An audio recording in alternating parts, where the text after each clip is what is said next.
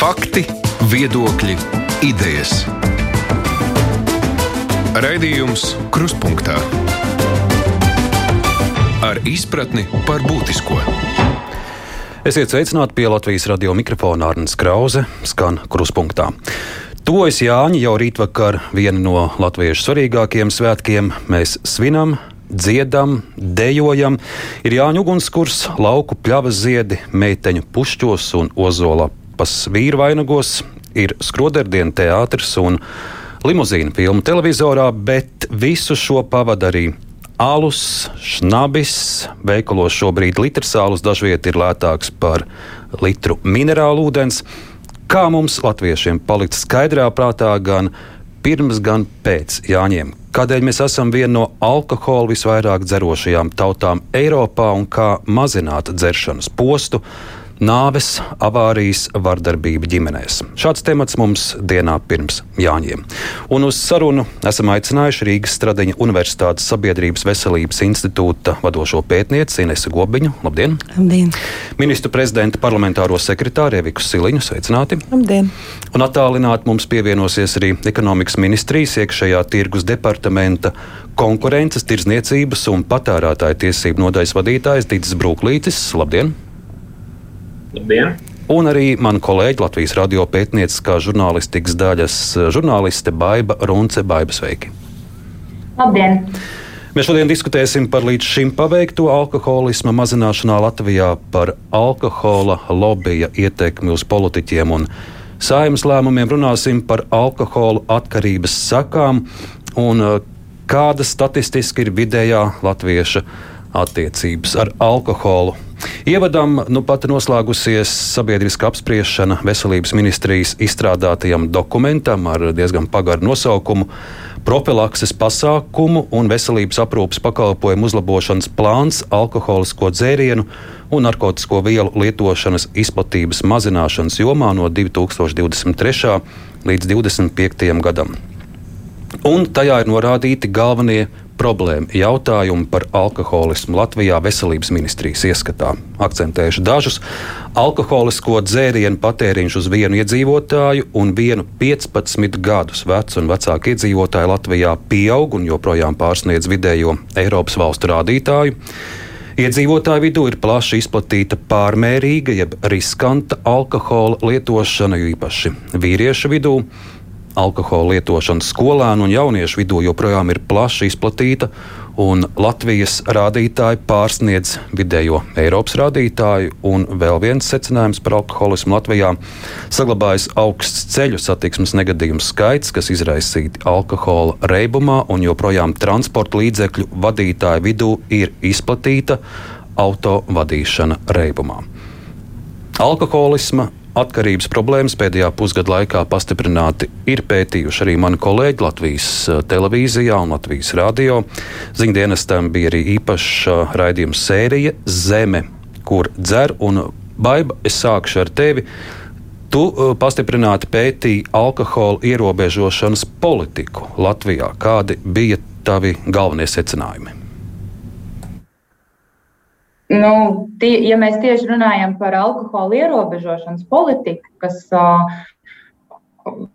iespējams saistās ne tik daudz varbūt, ar seku cīnīšanos, kā piemēram bargākiem sodiem, dzērāju šoferiem, jo, jo šādas lietas notiek un par šādām lietām mēs diskutējam un domājam. Diemžēl to veicina dažādi traģiski negadījumi, kas notiek, dzērāju šoferis notriec bērnu, un tad uzreiz visi tagad prāto, kā mēs varam vēl bargāk sodīt dzērāju šoferus, bet tās ir tikai jau sekas, un mums ir arvien vairāk tomēr jādomā par to, kā, kā mazināt kopējo alkohola patēriņu sabiedrībā un to alkohola posta, postu kopējo mazinātu.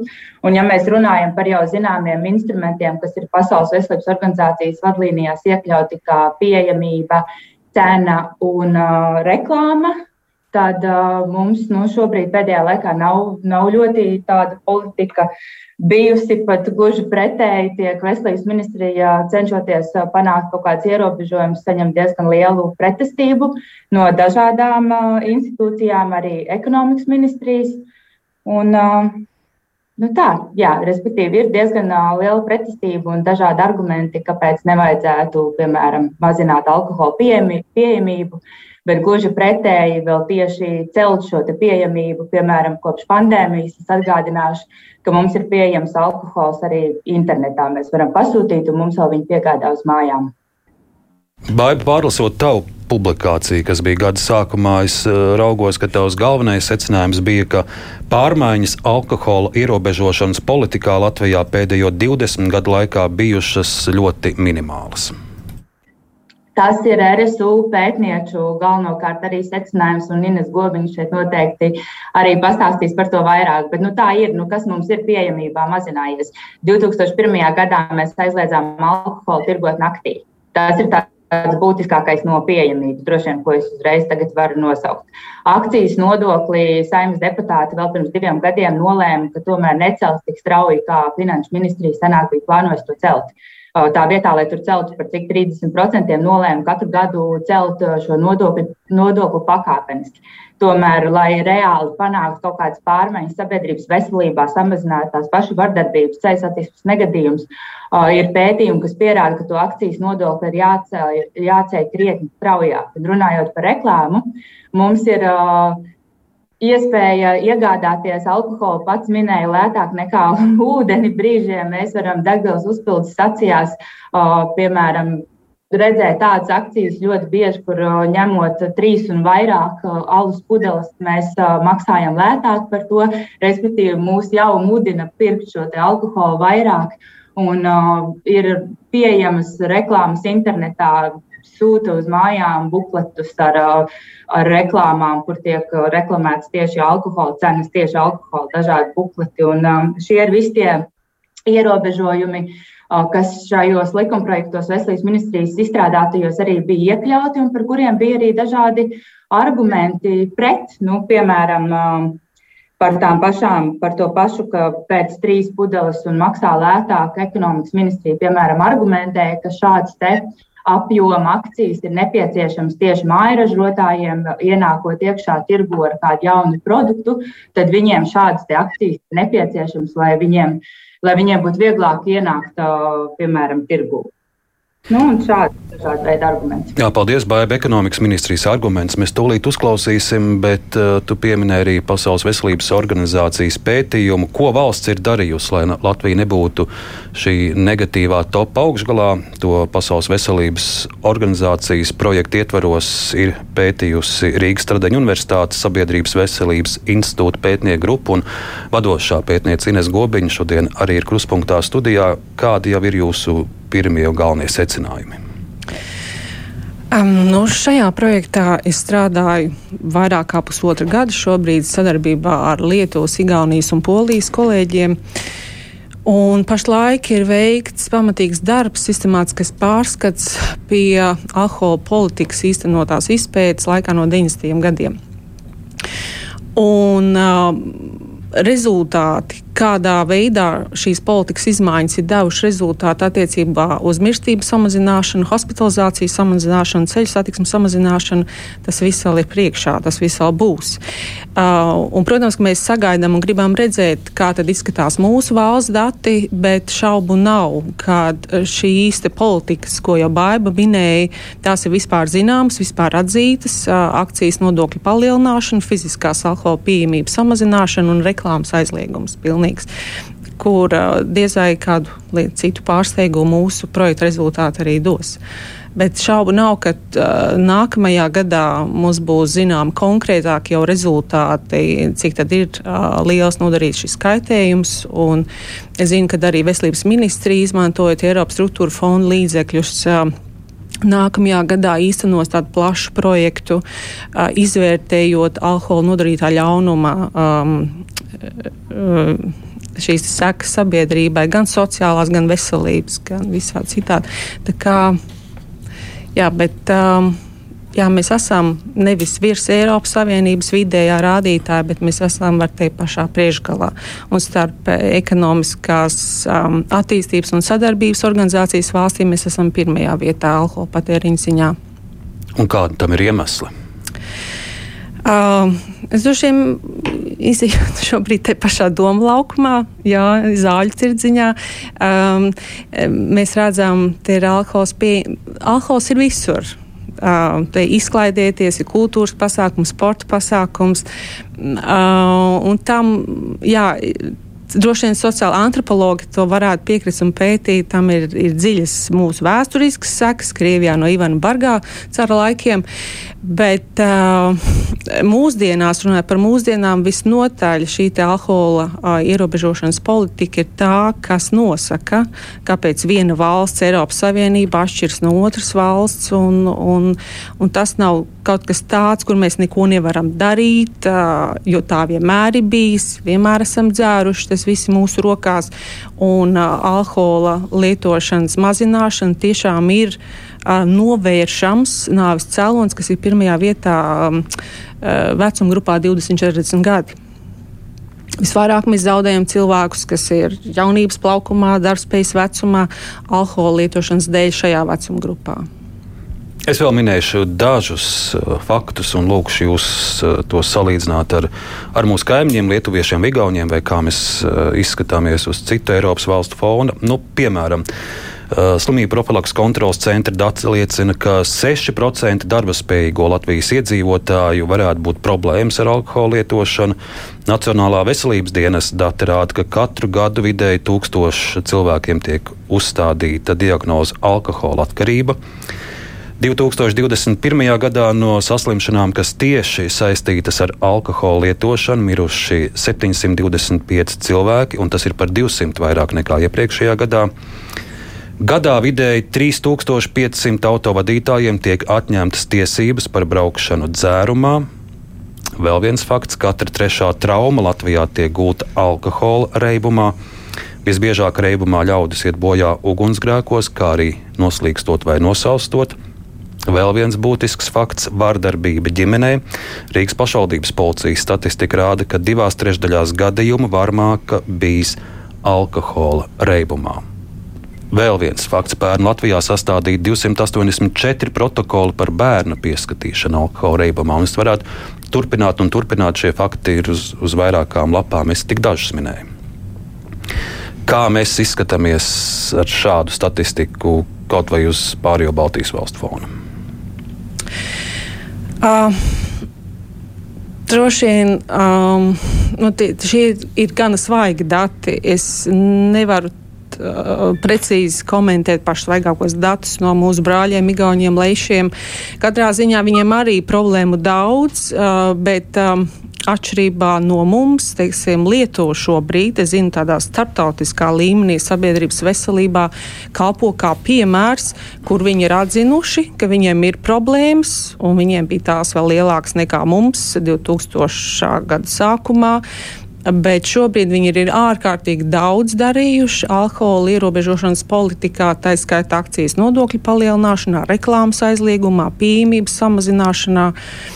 Un, uh, Par, Lietu, par Lietuvas piemēru varbūt mēs raidījuma gaitā okay. parunāsim vēl plašāk, jo arī mani kolēģi bija Lietuvā un pētīja, kā viņiem veicas ar alkohola ierobežošanu. Lietuvā pēc to stingro ierobežojumu ieviešanas pētījums liecina, ka iedzīvotāji dzer par 17% mazāk nekā vēl pirms pieciem gadiem. Pa Lietuvu vēl pirms brīža, bet es uzrunāšu arī ministra prezidenta parlamentāro sekretāru Eviku Siliņu, paškritiski vērtējot, kā Latvijai šajos gados ir veicies ar alkoholismu apkarošanu. No vienas puses mēs dzirdam, Jā, varbūt viens no stingrākajiem ierobežojumiem bija aizliegums tirgot naktīs, bet tad tiek pieņemts lēmums tirgot, piemēram, internetā.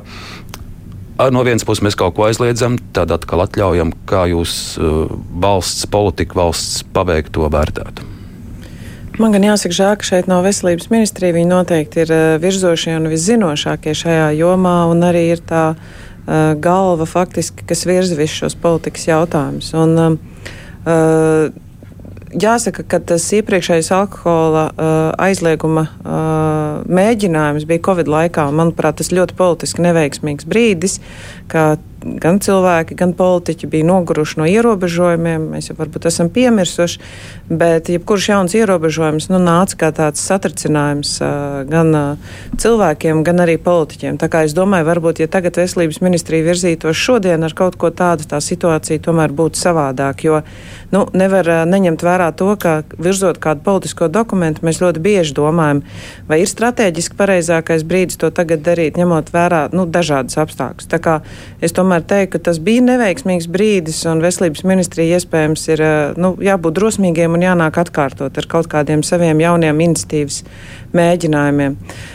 Man personīgi šķiet, ka te nav viennozīmīgas labas atbildes, nav tādas vienkāršas atbildes.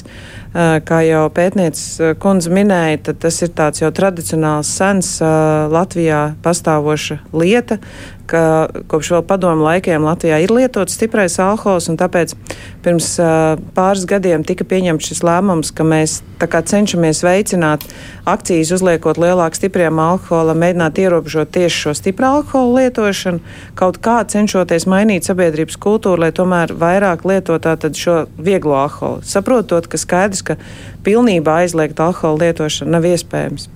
Un, um, Runājot par kādām reklāmas uh, aizliegumiem, es noteikti nebūšu tāds speciālists vai eksperts, kas labāk darbojas, bet es domāju, ka nu, sporta pasākumi noteikti nav tā vieta, kur būtu jālieto alkohols. Man pašai ir bērni, es nevaru iedomāties, kā iet sports kopā ar alkoholu. Tā kā, nu, es domāju, ir Bet, iespējas... nu, tie, kas ir bijuši, piemēram, arēnā Rīgā uz uh, hokeja spēlēm, tie, tie, tie ir redzējuši, kur tās garākās rindas, un bieži vien dažs nostāv tajā rindā pat vienu periodu visu, kamēr iet spēle, jo viņam tā, tā tad tāds alus kauss var būt pat svarīgāks par, par spēli. Tādu. Nu jā, nu tas, līdz ar to tas ir jāvērtē, kādi sporta pasākumi un te manevru iespējas ir. Un es tomēr neesmu manījis, ka jauniešu un bērnu pasākumos būtu alkohola tirgošana, tā kā es domāju, mums ir iespēja nu, būt gudrākiem. Ārzemēs laikam arī tirgojies, tāpēc atmiņas domāju kaut kādu alkoholu, bet noteikti ne stipro tādās sporta pasākumos, kas ir hokejs, laikam tāds viens no lielajiem izņēmumiem. Bet, nu, pieņemsim, reklāmas samazināšana, es neredzu, kā tas varētu, nu, kaut kādā veidā nebūtu efektīvi vai neizdarāms. Manuprāt, tas arī ir virziens, kurā var uh, darboties. Vēl pirms kaut kāda laika bija diskusija, ka mums vajag darba laiku ierobežot, un tad pastāvēja tā bažas, kā varētu palielināties nelegāla alkohola tirzniecība, ja jūs vēl atceraties. Es atceros, es strādāju savulaik iekšlietu ministrijā, mēs vēl savulaik mocījāmies ar tādām lietām kā točkām, bet, manuprāt, šobrīd tā vairs nav šodienas aktualitāte, un mēs esam pavirzījušies uz priekšu, lai teiktu, ka nu, nav tik liels risks. Uh, kaut ko nedaudz vairāk ierobežojot, es domāju, varbūt darba laika ziņā vai pieejamības ziņā, ka tomēr tik ļoti attīstīsies šis vecais točku stāsts. Jo jā, pirms vairākiem gadiem es pieļauju, ka tā tendence bija ārkārtīgi liela, un, protams, tad bīstamība cilvēkiem saslimt vai saindēties ar kaut kādu nelegālu alkoholu bija lielāka. Tā kā es domāju, mums ir kaut kādas iekšējas arī pārmaiņas notikušas šajā, un ir vērts ar šo politiku virzīties, jo skaidrs, ka alkohols ir arī depresijas pazīme izdegšanas pazīme. Uh, jautājums, kāpēc cilvēki lieto alkoholu, noteikti nav tikai par pašu alkoholu, bet arī vai ir alternatīvas iespējas, kā sevi nodarbināt, vai ir šīs uh, veselības uzlabošanas iespējas, kā sevi ārpus darba, pieņemsim, atvieglināt vai stresu novadīt. Jo manuprāt, runājot par jauniešiem un bērniem, ārkārtīgi svarīgi ir, vai viņiem ir ar ko nodarboties. Jo, ja viņiem nav ar ko nodarboties, protams, parādās brīvais laiks, un tad alkohols ir tas vienkāršākais līdzeklis, kā sev uh, vienkārši pakavēt laiku. Tā kā nu, mums te ir darbs gan izglītības ministrijai, gan veselības ministrijai, gan noteikti mums visiem kopā kā sabiedrībai. Alkohols tas ir gan sabiedrības veselības jautājums, gan arī valsts ekonomikas, valsts ieņēmumu stāsts. Tādēļ es vēlos uzrunāt arī ekonomikas ministrijas pārstāvu Dits Brūklīti. Uh, kā jūs cenšaties sabalansēt gan sabiedrības veselību, gan uh, valsts tautsēmniecību? Un arī cik aktīvi jūs izjūtat nozares lobija ietekmi, spiedienu, nu, lai tāda konkrētā saruna mums būtu. Es paņemšu vienu piemēru, rosinājums par uh, tirzniecības uh, stundām alkoholu, ka varētu tirgot piemēram no desmitiem rītā līdz astoņiem vakarā. Tāds priekšlikums ir bijis, un tad es redzu ekonomikas ministrijas iebildumi. Nevis uh, nozares vai, vai alkohola kāda ražotāja, bet tieši ekonomikas ministrijas iebildumi uz trīs lapām, kādēļ tas nav iespējams, kādēļ to nedrīkst darīt, jo tad nu, te ir vesela virkne jūsu puses argumentu. Kā jūs šo sabalansējat?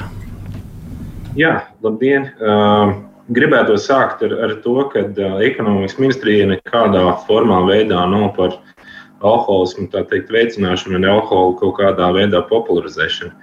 Tas, ko ekonomikas ministrija vienmēr ir darījusi un arī dara, ir tas, ka mēs skatāmies, cik sabalansēts, cik saprātīgs, samērīgs ir konkrētais ierobežojums, ko mēs mēģinām teikt, uzspiest šim uzņēmējam, kontekstā ar to risināmo problēmu. Jo es, es pie šīs tēmas ekonomikas ministrijā esmu strādājis gan ilgi, vairāk par desmit gadiem. Un jāsaka, tā, ik, ja nu ne katru gadu, tad katru otro gadu nāk klajā veselības ministrija ar kādu no šiem ierobežojumiem. Un šeit būtu tiešām jāpavērtē. Un, un desmit gadu laikā var teikt, to, ka uh, ierobežojumi ir bijuši daži nedažādākie, bet uh, kā joprojām tā situācija ir tikpat slikta, kā viņa bija desmit gadus atpakaļ, nu, liecina, ka tomēr šī ierobežošanas politika kaut kur mums nestrādā, vai mēs nespiežam uz pareizām pogām. Jo cerēt, tā teikt, noš, no, nošaut lūci, lūci ar aizvērtām acīm un, un cerēt, ka trāpīsim, manuprāt, nav, nav pareizā pieeja. Tāpēc ekonomikas ministrija ir tā institūcija, kur mēģina sabalansēt šo te, samēru starp sabiedrības veselību un, un šo uzņēmēju ierobežošanu. Jo pēc būtības mums būtu arī jāsaprot tas, ka uh, mums jau nav jākaro pret, tā, jāapkaro uzņēmēju. Ja? mums pēc būtības ir jāapkaro šī sērga, šī slimība, kas ir alkoholisms. Un te būtu, protams, arī teikt, jāskatās aktīvāk, varbūt arī veselības ministrijai, kad ir jādomā, kā mēs šo problēmu jau novēršam jau, jau pašā saknē, nevis jau, kad mēs cīnāmies ar sekām. Tas pats arī ir, ja mēs runājam par šo pašu jau, jau atkarīgiem cilvēkiem. Nu, es varu minēt piemēru arī no veselības ministrijas priekšlikumiem, aizliegt uh, 200 ml stiprā alkohola uh, teikt, iepakojumu. Nu, es, es atvainojos, bet, bet uh, uh, jo arguments ir tāds, ka ar, ar šo tilpumu cilvēku mēdz tā teikt, nu, kā tautā saka, salāpīties. Ja? Bet uh, tas tikai piespiedīs to, ka cilvēks, kurš ir izdarījis izvēli, kad viņš lietos alkoholu, viņš atradīs veidu, viņš paņems lielāku iepakojumu, vai tas būs 0,5 vai 0,7 vai litrs. Un, un sekas būs vēl tieši vēl, vēl pretējas. Nu, ja, mēs runājam, ja mēs runājam par argumentiem, varbūt arī cik tie ir pamatoti, viens piemērs, lai klausītājiem ir skaidrs, izskanējis priekšlikums, ka pie spēļu automātos alkoholu ļaudis vairs nevarētu lietot tajā brīdī, kad viņi ir pie šī aparāta, bet, ja viņi grib uh, alkoholu, tad viņiem būtu jāiet pie bāra letes un, un tur jāizdzer savu glāzi, un tad jāatgriežas atpakaļ pie spēļu aparāta. Un kas ir pret to? Ekonomikas ministrija saka, ka ir pret, jo kā arguments tiek norādīts, ka persona alkoholiskos dzērienus patērēs vairāk un daudz ātrāk, lai varētu atgriezties pie spēles iekārtas. Nu, Tie ir jums kādi pētījumi, tie ir jūsu pašu uh, novērojami spēļu zālēs, ka, ka, ka cilvēks tagad fiksi, fiksi piedzersies pie, pie tās letes, ja viņam neļaus, uh, ka, teiksim, malkot uh, pie aparāta. Nu, ša, es vienkārši šo lasu un brīnos, kā jūs, kā jūs pie tāda secinājuma nonācāt. Mums pētījumi, protams, par šo nav, bet nu, šeit ir veselais saprāts un, un loģika, pie kur mēs pielikām, pielikām pie šī izvērtējuma. Jo, jāsaka, tā arī nav neviena um, pētījuma vai pamatojuma no pretējās puses, lai apgalvotu, ka pēkšņi sēžot, nepienesot šo alkoholisko dzērienu pie, pie automāta, ka būs kādas izmaiņas. Tā kā ir jāsaprot, ka nu, es šādus pētījumus par desmit gadu laikā, kas ir kā, kā pozitīvi šie ierobežojumi būtu ietekmējuši um, alkohola patēriņu, nu, piedodiet, neesmu redzējis. Es vienīgais, uh, ko var, ko var pozitīvi apsveikt, kad veselības ministrija jaunajā šajā, šajā te, uh, plānā, ko jūs redzējuma sākumā minējāt, Tur ir paredzēta šāda ierobežojuma efektivitātes um, pārbaude, bet, uh, diemžēl, desmit gadu laikā es neesmu tādus redzējis. Jā, Baiba, es turpināšu ar tevi, jo tu esi Jā. pamatīgāk analizējis dažādas ekonomikas ministrijas iebildes pret rosinājumiem? Man ir ko piebilst par, par procesu atkarībām. Ir gan bijis pētījums 2019. gadā vai 2020. diezgan svaigs. Es arī viņu lasīju. Viņa ir latviešu sociāla antropologa. Tas ir pētījums, kur arī tika aptaujāti cilvēki, kas spēlē šīs azartspēles. Viņi atzina, ka viņiem tā ir vēl papildus motivācija apmeklēt šīs azartspēļu vietas, jo viņi tur nesaņem nosodījumu, ka viņi var lietot alkoholu tur pie tiem arī saviem galdiem. Un plus vēl tās ir divas atkarības. Tā ir atkarība, azartspēļu atkarība un atkarība alkohola atkarība. Un ja tu sēdi pie tā savu galda un tu vari paralēli dzert alkoholu, tad tu Vari, un šo atkal man saka, narkologs Astrīds, tu beigās aizrausies daudz vairāk, ieies vairāk azartā un iespējams patērēsi vairāk naudas, jo tu sēdēsi un dzersi. Tas ir par tām atkarībām, ka tur tas pētījums tomēr ir bijis. Bet uh, vēl viena lieta, kur uh, par argumentiem runājot, kur man šķiet ļoti labi var redzēt to ekonomisko interesu un sabiedrības veselības interesu sadursmi, ko mēs kā žurnālisti ļoti bieži dzirdam no veselības ministrijas, kad mēs jautājam, kādēļ mums nav izmaiņas alkohola politikā. Veselības ministrija mums saka, ka sadurs sabiedrības veselības un ekonomiskās intereses. Tad viens no argumentiem par tā pašām tirzniecības stundām tur ir atmesta jau šī ideja, bet tomēr ekonomikas ministrijas viens no argumentiem bija tāds, ka, ka nevar liekt tirgot alkoholu vakar stundās, jo mazie lauku veikali, viņu tirzniecība lielā mērā vakar stundās ir atkarīga tieši no alkoholiskajiem dzērieniem. Bet tā taču ir problēma, ja tiešām mazā lauku veikalā vakarā pērk galvenokārt alkoholu. Tā jau ir kaut kāda nopietna problēma. Tad tur ir jāpēta, kas, kas, kas tur notiek tajā ciemā, kāpēc tur tik daudz tiek patērēts tas alkohols. Un, un nevajadzētu būt tā, ka mēs tā kā sakam, ka labi, atstāsim nepieļausim to, ka tur vairs nepērk to alkoholu, atstāsim, lai tur turpina pirkt to alkoholu. Nē, tad mums ir tieši jādomā, kā ierobežot, lai tie cilvēki nepirktu vakaros visu laiku. Baiba, un turpinot šo tavu akcentu, es arī redzu, nu, pat ir eh, e-pastā vēstule no kādas māmiņas, eh, mazs citāts.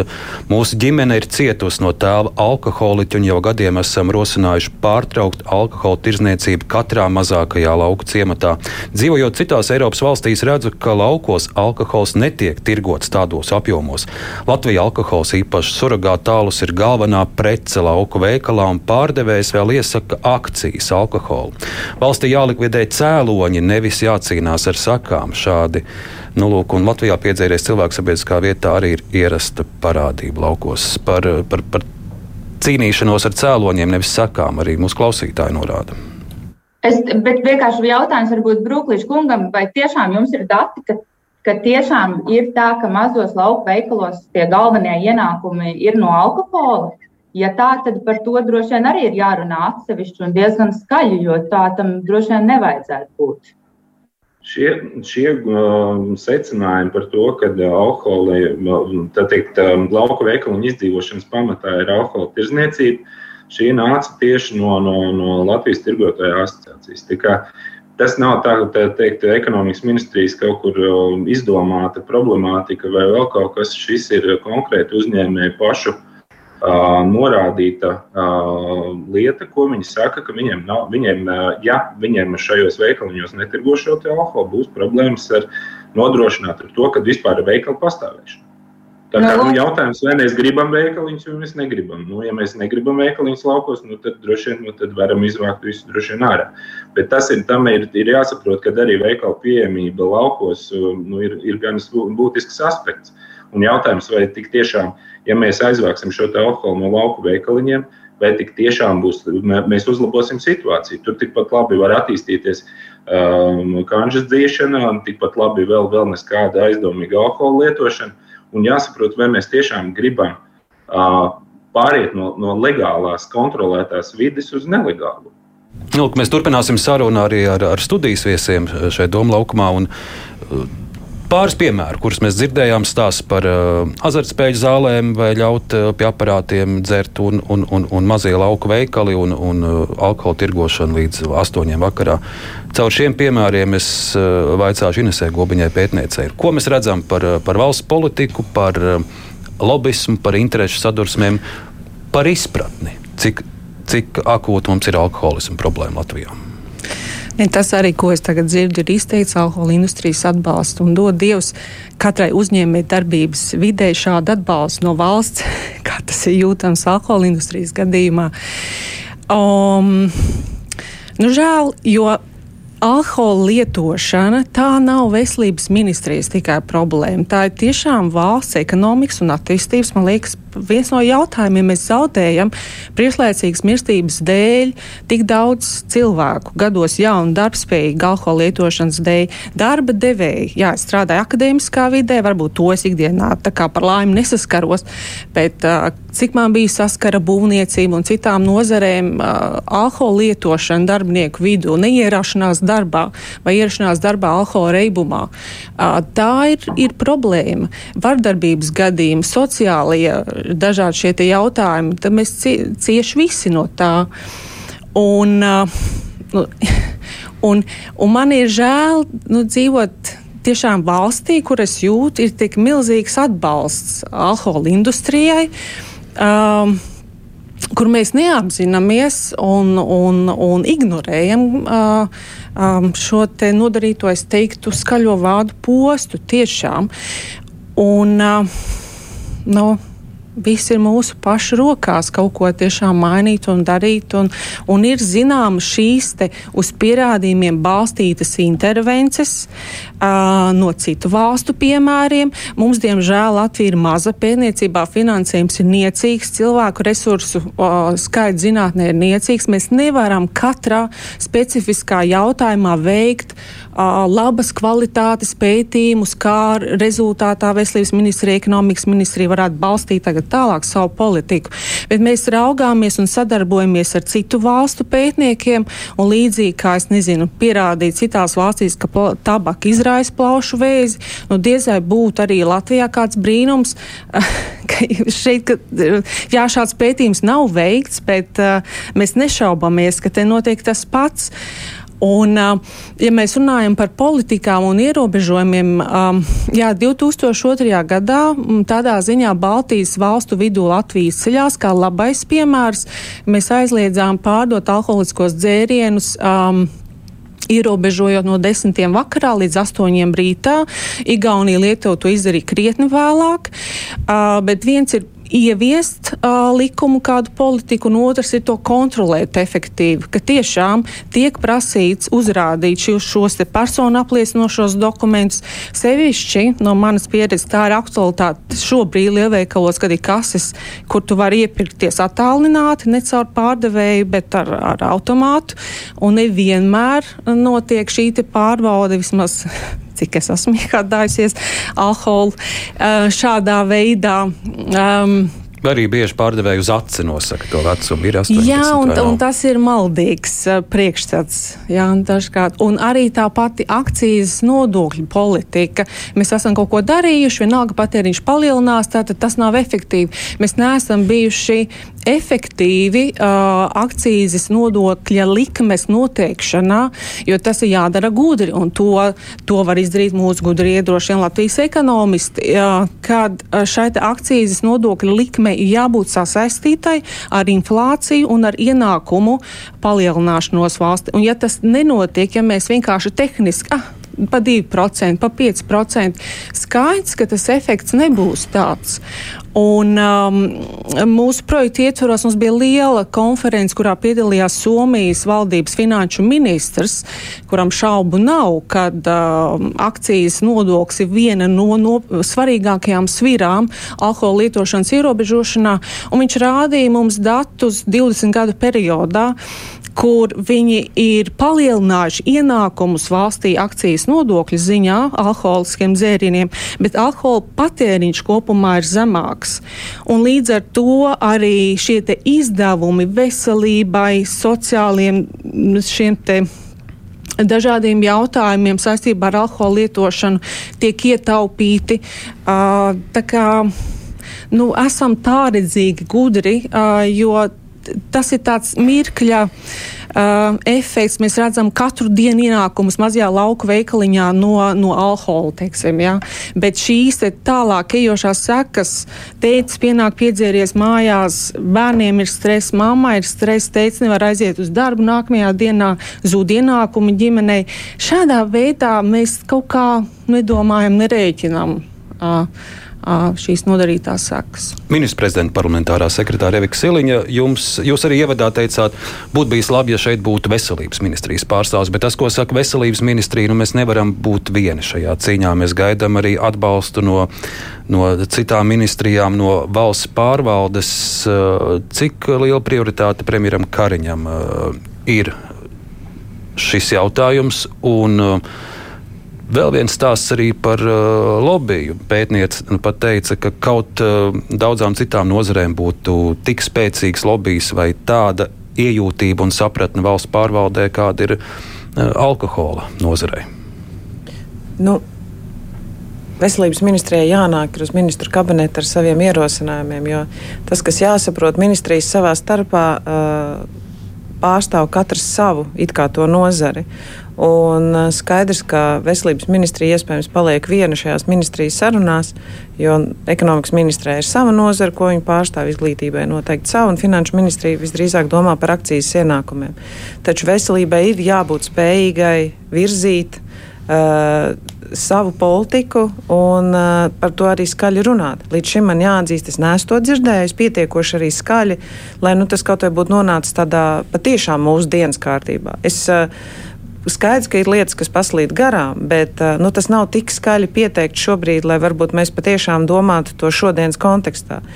Taču, kā jau minēju pašā sākumā, viņiem jābūt pietiekoši drosmīgiem, nākt ar šiem priekšlikumiem. Mēs nereti tā arī darām, ka kaut kādas lietas, kas nav līdz galam saskaņotas, bet tomēr virzošā ministrija uzskata, ka tas ir svarīgi, nāk uz ministru kabinetu, un tad tā diskusija notiek ministru kabineta sēdē, jo viennozīmīgi, ka mēs nevaram rēķināt cilvēku dzīvības cenu, izējot no lauku veikalu pastāvēšanas uh, aspekta.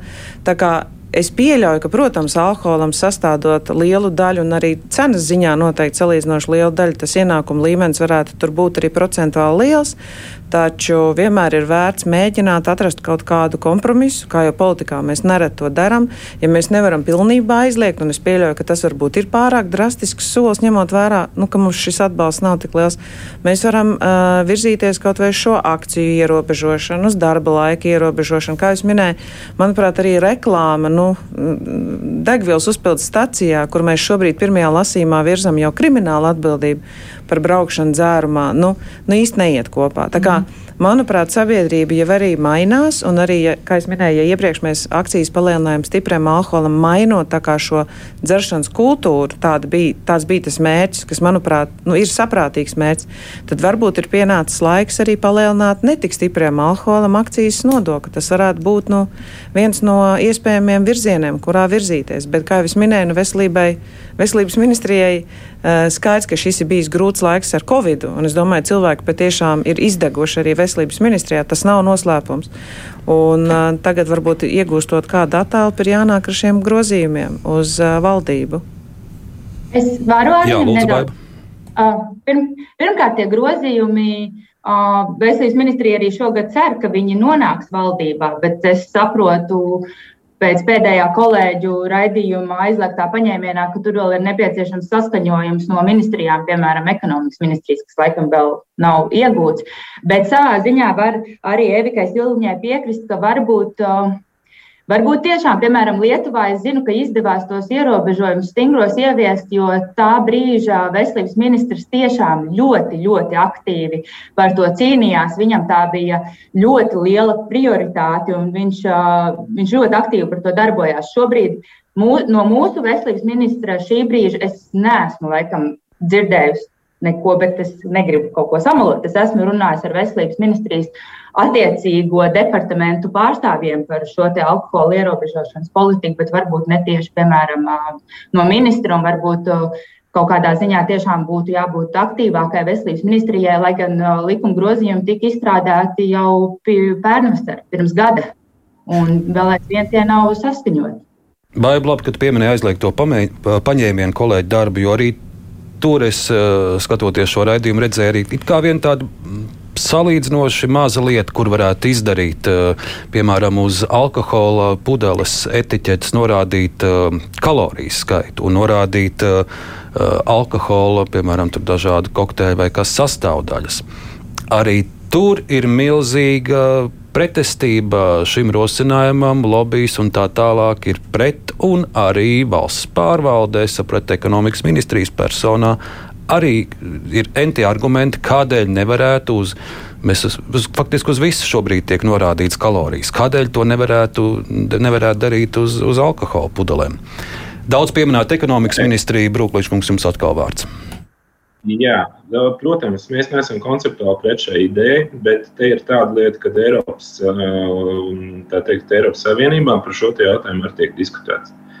E, mums nevajadzētu kaut kādā veidā, formā sasteigt, var nākt ar saviem risinājumiem, ja mēs neesam redzējuši, kā tas, kāda risinājuma būs kopēji visā Eiropas Savienībā.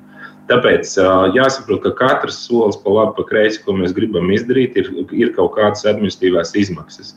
Tikai tāpēc, ka mēs emocijās mēģināsim kaut ko, kaut ko ņemt un, un, un pieņemt un sasteigt, ir jāsaprot, tas atstāja iespaidu uz uzņēmējdarbību.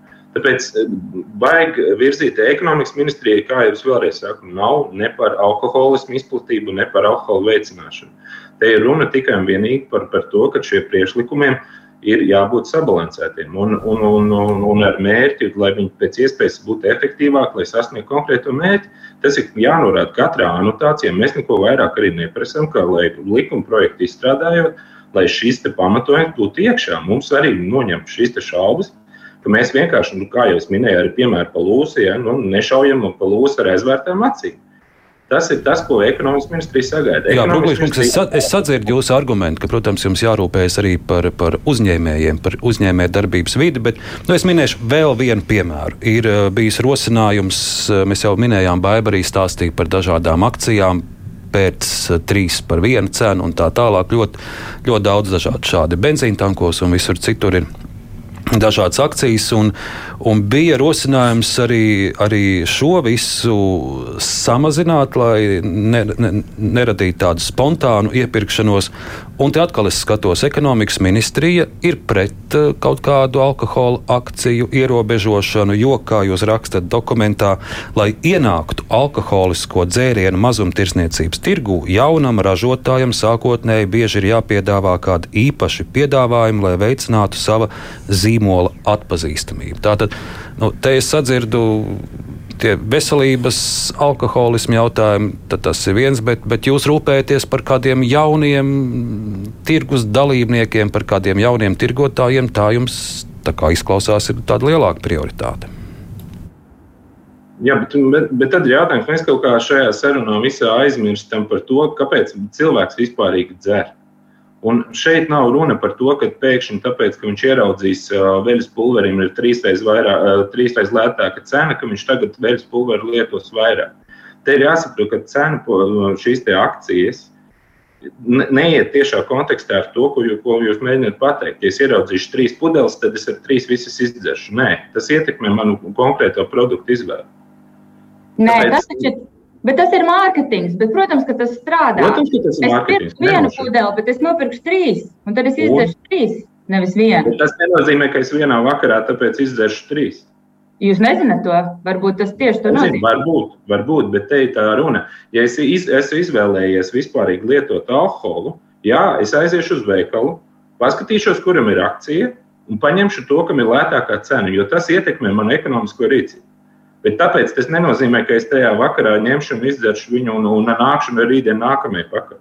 Tā kā vajag, nu, es teiktu tā, ir ar vēsu prātu šīm lietām jāpieiet un, un, un bez emocijām. Un pirmām kārtām jau būtu daudz vairāk jāiedziļinās pašā alkoholiķa, nu, slimīga, atkarīgā cilvēka psiholoģijā, lai saprastu, kas ir tie um, argumenti, kāpēc uh, viņš vispār nāk pēc šī alkohola.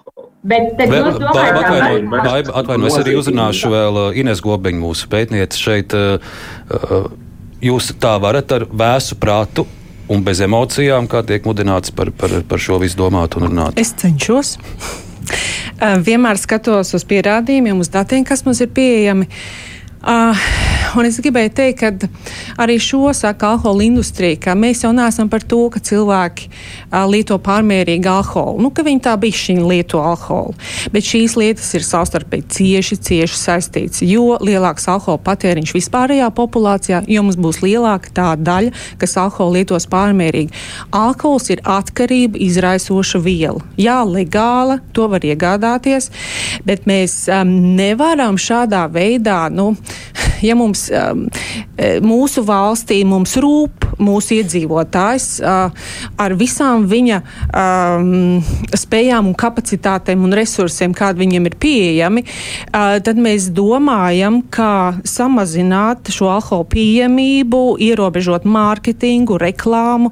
Jo kāpēc ir, ir tik liela vētra par šīm akcijām? Jo no mārketinga tas ir zināms, ka tas strādā. Un alkohols nav veļas pulveris. Jā, varbūt trīs pudeles netiks izdzērts uzreiz, bet vienalga tā trešā pudele arī tiks izdzērta. Līdz ar to tas kopējais alkohola patēriņš būs lielāks tam individam. Un neviens nezina, kur ir tā robeža, kad šis atkarību veidojošais mehānisms, mehānisms ieslēdzās un sāk savu savu darbu, un tik no tā laukā ir nežēlīgi grūti. Citādi mums būs tā cīņa visu laiku ar veidzirnavām. Jā, mēs atbalstīsim a, alkohola atkarīgo ārstēšanu, bet lieciet mierā šo vispārējo populāciju, tur lai viss notiek tā rāmi un mierīgi. Tas, tas tā nestrādā. Šī alkohola ierobežošanā ir svarīga šī vispārējās populācijas a, prevencija. Manuprāt, Bet, man, gribēju piebilst, jūs minējāt par pētījumiem. Ļoti svarīgi, ka Latvijā būtu šāds pētījums. Mēs esam no valdības piešķīruši vairāk finansējumu, starp citu, zinātniskiem pētījumiem, jo esam pamanījuši, ka mums ārkārtīgi iztrūks šādu datu. Bet es pilnīgi piekrītu, ka ir vajadzīgs nu, vispusējs risinājums. Protams, ka ziniet, kā paaugstināts bīstamības avots ir transporta līdzeklis, un tad uzliek, mēs uzliekam viņam dažādas tomēr, mm. nu, īpašas prasības, un tāpat ir mums tabakai. Mēs tās saucam par akcizētajām precēm, tabaka, alkohols, par narkotikām vispār nerunājot, tās ir aizliegts, vai īpaši kādām bīstamajām zālēm. Mēs tomēr nevaram skatīties uz tām precēm kā vispārēju tirgus uh, preci. Līdz ar to nu, es pieļauju, ka tomēr ir savādāk jāskatās uz šādām precēm un vispārējos mārketinga nosacījumus mēs kā valsts nevaram piemērot šīm precēm. Es saprotu, ka uzņēmēji, protams, vēlas piemērot arī šādām precēm vispārējos noteikumus, bet mums kā valstī tomēr ir jādomā paralēli par šo sabiedrisko labumu, par iedzīvotāju drošību un veselību. Tā kā es domāju, viennozīmīgi ir jāskatās arī par šiem depresijas cēloņiem, kāpēc cilvēki dzer un alternatīvām nodarbēm, bet arī šie ierobežojušie pasākumi ir iespējami. Un, un, un es eh, nepiekritīšu, ka mēs varam skatīties uz eh, šo preci tomēr kā uz tādu kopējo preci tirgu. Es tūlīt došu vārdu arī ekonomikas ministrijai, bet arī klausītāji aktīvi sako mūsu sarunai un, un raksta komentārus. Uh, vien daži, uh, ja man laukos ir dārzeņu un gaļas veikals, es nevaru konkurēt ar veikalu, kur tirgo alkoholu. Mani valsts neatbalsta. Valsts atbalsta alkoholismu. Ivars raksta, sveiki, izteikšos kā vienkārši dzērājs līdz 20. vakarā tirgot un svētdienās ierobežot alkohola tirzniecību ir atslēga, lai mazinātu trūlu dzeršanu. Internetā pieejamais alkohols nav būtisks, jo tu nevari pie tā tikt pusstundas laikā. Izklausās tas visbēdīgi, bet šis, manuprāt, ir ļoti labs risinājums. Vēl raksta kāda kundze, lūk, ekonomikas ministrijas pārstāvs pateica, ka alko alkohols laukos ir pamata pārtikas produkcija. Alkohola veikalos nebūtu, tad veikals bankrotētu. Spoža attieksme. Eiropas valstīs lauku veikali izdzīvo bez alkohola. Ja esam Eiropas Savienībā, tad arī varam sekot citu valstu piemēram, jo citādāk iznāk, ka cilvēks mums ir nulle. Lūk, tādas mums klausītāju pārdomas. Ko uz to atbildētu ekonomikas ministrijas pārstāvs?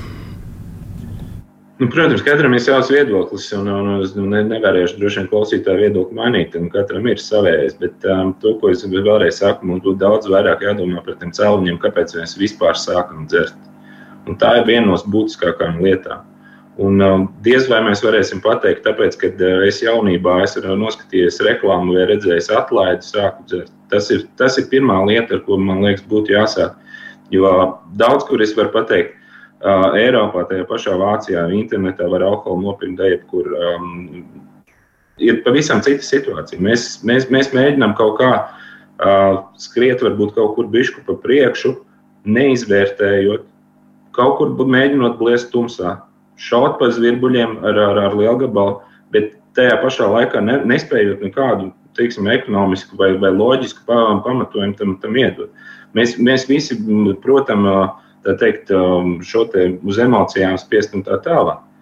Bet, lai, bet šim visam būtu jābūt apakšā kārtīgam izvērtējumam, ko mēs arī prasām, lai no šī likuma projekta anotācija parādītos. Jo nu, es varu pieminēt, nu, piemēram, ideja veselības ministrijai spēļu zālēs nu, uztaisīt sienu, lai nodalītu spēļu zāli no, no alkohola tirzniecības. Vai tas tiešām atturēs cilvēku lietot alkoholu? Bet varbūt kamēr tā siena nav uztaisīta, mēs to nezinām. Bet es vēl arī skatos tagad e-pastā viens komentārs, lai mēs arī paši būtu paškritiski. Mm. Piemēram, Gunārs raksta, vai jūs radio paši neveiciniet alkohola izplatīšanos no vienas puses stāstat par uzņēmējiem, kas ražo alkoholu, no otras puses stāstat, cik alkohols slikts. Bet, piemēram, radios skan dziesmas, kuras sumina aliņu.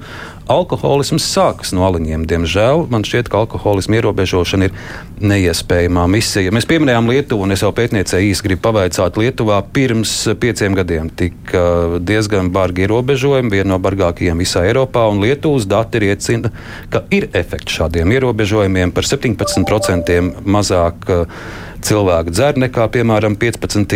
gadā. Alkohola tirgošanas ierobežojumi arī sekmējuši bezalkoholisko dzērienu tirzniecību. Lūk, piemēram, šādi secinājumi. Varbūt arī ir vērts uh, lietuviešu pieredzes palūkot detalizētāk. Nu, visnotaļ, jā, mēs varam mācīties un skatīties, un šobrīd arī tas, ko piemina par, par datiem, par izvērtēšanu, tas viss notiek. Es zinu, ka lietuviešu kolēģi pamatīgi strādā, salīdzinot situāciju pirms un pēc, un, un noteikti mums viņu zināšanas un praksa būs, būs noderīga. Baiba, tev vēl kāds secinājums, komentārs? Es varbūt tagad par to Lietuvu gribēju piebilst, lai varbūt nedaudz precīzāk, ka pēdējos divos gados viņiem tomēr nedaudz, nedaudz pieaugs patēriņš, un, un tas ir, ir arī dati, ko atkal alkohola lobby, lobbyis atkal izmanto, lai rādītu, ka tie ierobežojumi nedarbojas, bet tur ir arī dažādi viņiem pašiem skaidrojumi, kāpēc tas tā notiek. Tas varbūt pie, pieminot par to nedaudz precizējot. Bet, nu, kā, kā arī tas nav. Jā, baiba, jā. ja es varu pakomentēt, jā, mums bija diskusija ar lietuviešu kolēģiem. Uh, kā viņi to skaidro. Un, un fakts, ka šī tā lieta, kur visu laiku ir jāskatās, kas notiek valstī, ekonomikā, un Lietuvai kopumā ekonomiskā izaugsme ir notikusi daudz straujāk, un neskatoties, piemēram, uz akcijas nodokļu palielināšanu, viņiem pirktspēja ir palielinājusies vēl vairāk uh, vidiem Lietuvas iedzīvotājiem, un tas ir viens viņiem no skaidrojumiem, kādēļ, teiksim, tas efekts varbūt nav tāds wow, kā mēs sagaidītu, jo uh, reklāma reklāma, mārketinga ierobežošana, tas ir zināms no pētījumiem droši, ka tam ir vairāk ilgtermiņa efekts. Tas nenotiks ne rīt, ne parīt, kad alkohola patēriņš samazināsies, bet savukārt akcijas nodokļu palielināšana ir tā svīra, kur mēs varam um, diezgan īsā laikā sagaidīt jau kaut kādu rezultātu. Un uz to Un droši vien vēl viens stāsts ir par jauniešiem. Par to mēs nepaspēsim šodien runāt. Mēs šodien vairāk runājam par, par sekām, par vardarbību upuriem, bet arī par jauno paudzi droši vien būtu jārunā, jo es pēdējās nedēļās arī dzirdēju stāstus. Tagad ir izlaiduma laiks, kur arī 15 gadīgi ir un, un vecāki paši pat kastes atved ar alkoholu. Un tad jau tur pāris stundu laikā jau ir teikt, kritušie pēdiņās, un, un man ir teikuši arī skolotāji, nu, tā ir pamatīga problēma šobrīd, ka arī šajos izlaidumos tur var redzēt to, kas būs pēc gadiem, pieciem un desmit. Šai brīdī es jums teikšu lielu paldies. Tāda no saruna mums sanāca pirms Jāņiem. Rīgas Tardaņu Universitātes Sabiedrības veselības institūta vadošā pētniece Inese Gobiņa, ministra prezidenta parlamentārā sekretāra Evika Siliņa, arī ekonomikas ministrijas iekšējā tirgus departamenta konkurences tirdzniecības un patērētāja tiesību nodaļas vadītājs Dīdis Brūklīts un žurnāliste Baiba Runts no Latvijas radio pētnieciskās žurnālistikas daļas. Paldies jums liels par sarunu, jāvēl jums arī priecīgi Jāņi un klausītāji. Protams, arī Aliņš Pilguns, kura, bet tā mūsu pamatdoma visu ar mēru. Producente Evi Junām studijā bija Ārnis Krause. Uz tikšanos!